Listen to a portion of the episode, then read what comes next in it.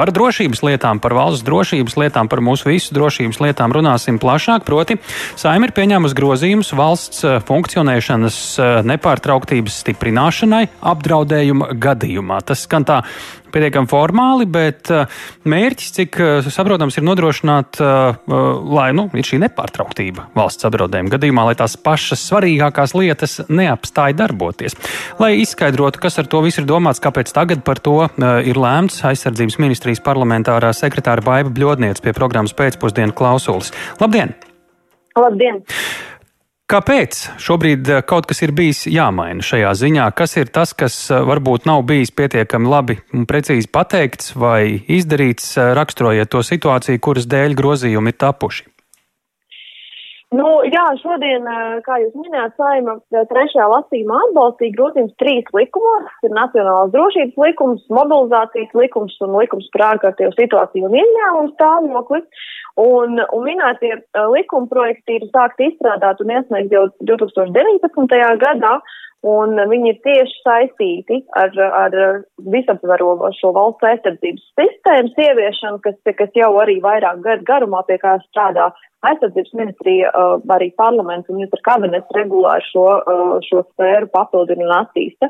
Un tā, tas, tas lielākā jēga ir tas, ka jā, kad minētie likuma projekti arī sekmē šo visaptverošos valsts sistēmas īstenošanu, nu, jo tajā ietvertās tās izmaiņas, skar tādas būtiskas darbības, kas ir saistītas ar valsts sabiedrības funkcionēšanu, nu, tiešām precizējot arī, ko nozīmē un kas ir tās krīzes, arī atbilstoši drošības joms tādām, nu, jaunākajām tendencēm, lai, nu, ne tikai spētu pretoties tām krīzēm, bet arī pašatjaunoties ātri pēc šiem izaicinājumiem un krīzēm, lai kādos apstākļos arī tiktu nodrošināt valsts pamatfunkcijas. Līdz tiem grozījumiem mēs to nevarējām?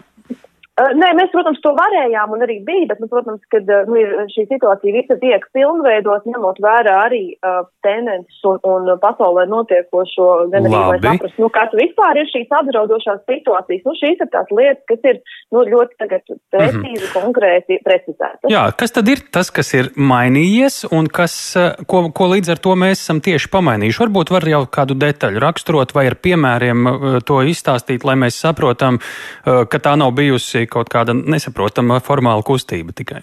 Jā. Nu, tas, kas ir, es, domāju, viens no svarīgākajām lietām, ir, ir, uh, ir noteikts, kas ir šīs valsts apdraudošās situācijas. Un tas ir pret, nu, tā doma ir, ka tas ir ne tikai militāri eh, kaut kādi iebrukumi, bet ka tas ir pret Latviju īstenot pretlikumīgi ārvalsts militāras darbības, nu, piemēram, militārā transporta līdzekļi vai citas, tajā skatā, nu, attālinām vadām, bezpilotu militārās mehāniskās ierīces, kaut kāda pretlikuma iekļūšana vai atrašanās Latvijas teritorijā, pretlikumīgas piekļūst informācijas sistēmām, kā arī, nu, pretlikumīgi militāro formēm, militārie arī formēm bez kaut kādām pazīšanās pazīmēm iekļūšana un atrašanās Latvijas teritorijā teritorijā.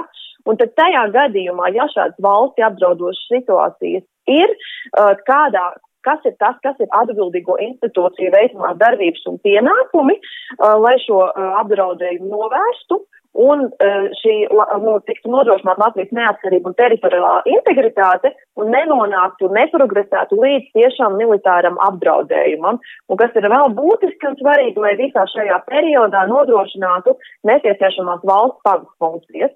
Un mēs tad ir viena ļoti būtiska lieta, kas šobrīd ir nākusi klāt ir tas, ka uh, ir precizēts likumā, kas ir uh, kritiskā infrastruktūra un kritiskie pakalpojumi, kuriem ir jābūt nodrošinātiem.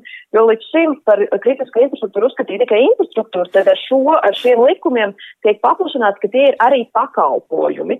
Nu, piemēram, ka tas ir elektroenerģijas pakalpojumi, degvielas apgādes, elektronisko sakaru pakalpojumu nodrošināšana, bet vienlaicīgi arī neatliekamās medicīniskās palīdzības, zāļu apgādes, uh, asins komponentu nodrošinājums, bet kas ir vēl nācis arī klāt, ka kritiskie pakalpojumi ir arī finanšu pakalpojumi, jo mēs saprotam mm. arī to, ka nu, skaidrs un bezskaidrs naudas apritei un pieejamībai arī ir jābūt.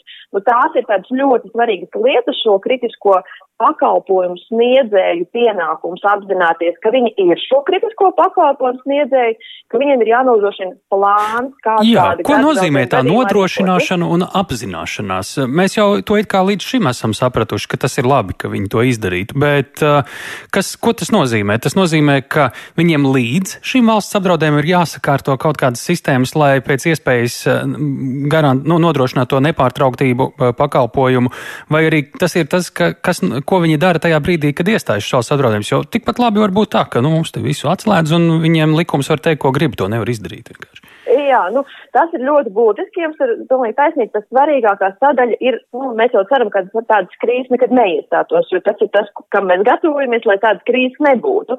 Tāpēc tas svarīgākais plāns ir sadaļa ir tā, ka visiem šiem pakalpojumu sniedzējiem tiek definēts un ar viņiem, ko, viņiem ir nodefinēts, kas ir šie pakalpojumi, kuriem obligāti ir jābūt nodrošinātiem. Nu, teiksim tā, tā skaitā minimāliem finanšu pakalpojumiem, minimāliem sakaru pakalpojumiem, un ir jābūt plānam, kā šie pakalpojumi darbojās. Tātad līdz ar šiem grozījumiem viņiem ir jāsāk rakstīt tie plāni un varbūt arī jāgādā tehniskie resursi, lai tos plānus varētu īstenot tad, kad vajag. Ja?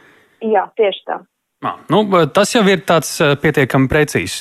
Uh, šobrīd, tad, kad tie grozījumi stāsies spēkā, tas nozīmē, ka uh, par saviem līdzekļiem, arī privātajiem, nu, nezinu, interneta pakalpojumu nodrošinātājiem, komercbankām būs jāķers klāt. Tās arī kaut kādas izmaksas tad būtu privātajam sektoram, tā skaitā ne tikai valstī, kas nodrošina kaut ko. Nu, jebkurā gadījumā skaidrs, ka nu, valsts nav tikai, tikai atsevišķas valsts iestādes. Valsts esam mēs katrs no mums un arī, arī šie pakalpojumu sniedzēji, kur mēs apzināmies, ka mūsu ikdienā spēlē pietiekami liela loma, kā piemēram elektro, elektroenerģijas apgādes un tam līdzīgi. Nu, bez kā uh, vien valsts iestādes vien uh, nu, nespēju uh, nekādā mērā nodrošināt pilnvērtīgi uh, Latvijas, uh, Latvijas pam pamatfunkciju veikšanas. Un līdz mm -hmm. ar to arī attiecībā uz šiem privātajiem komersantiem, bet kas nodrošina šo kritiskos infrastruktūras uh, pakalpojumus, uh, nu, ir, protams, jā, viņiem paredzēti arī pienākumi. Uh, un ar viņiem, protams, jau daudz tiek strādāts, ļoti daudz no viņiem jau zina to, tur ir virkni lietas vienkārši, kas tiek precizēts arī tajā skaitā, kādā veidā notiek tā sadarbība, kā tur plānus var saprast, lai katram būtu vairāk vai mazāk, tomēr arī skaidri šie savi pienākumu, lai tas nebūtu tikai tā, ka tas ir nu, vispārēji, bet būtu jau diezgan precīzi. Un tad, protams, arī šie likumi paredz arī vairāk citas lietas, ka, piemēram, šo kritisko pakalpojumu sniedzēju, piemēram, darbinieki, nu, piemēram, viņi nevar arī tikt pakļaut mobilizācijai, mm. jo ir skaidrs, ka viņiem ir jāturpina nodrošināt. Jā, nodrošina kritiskie pakalpojumi. Jā, jā. Labi, tā. mums laiks līdz ar to arī šai sarunai ir izskanējis un beidzies. Mēs sakām paldies aizsardzības ministrijas parlamentārajai sekretārei Baibai Bļodniecei un drīz dosimies pie nākamā temata.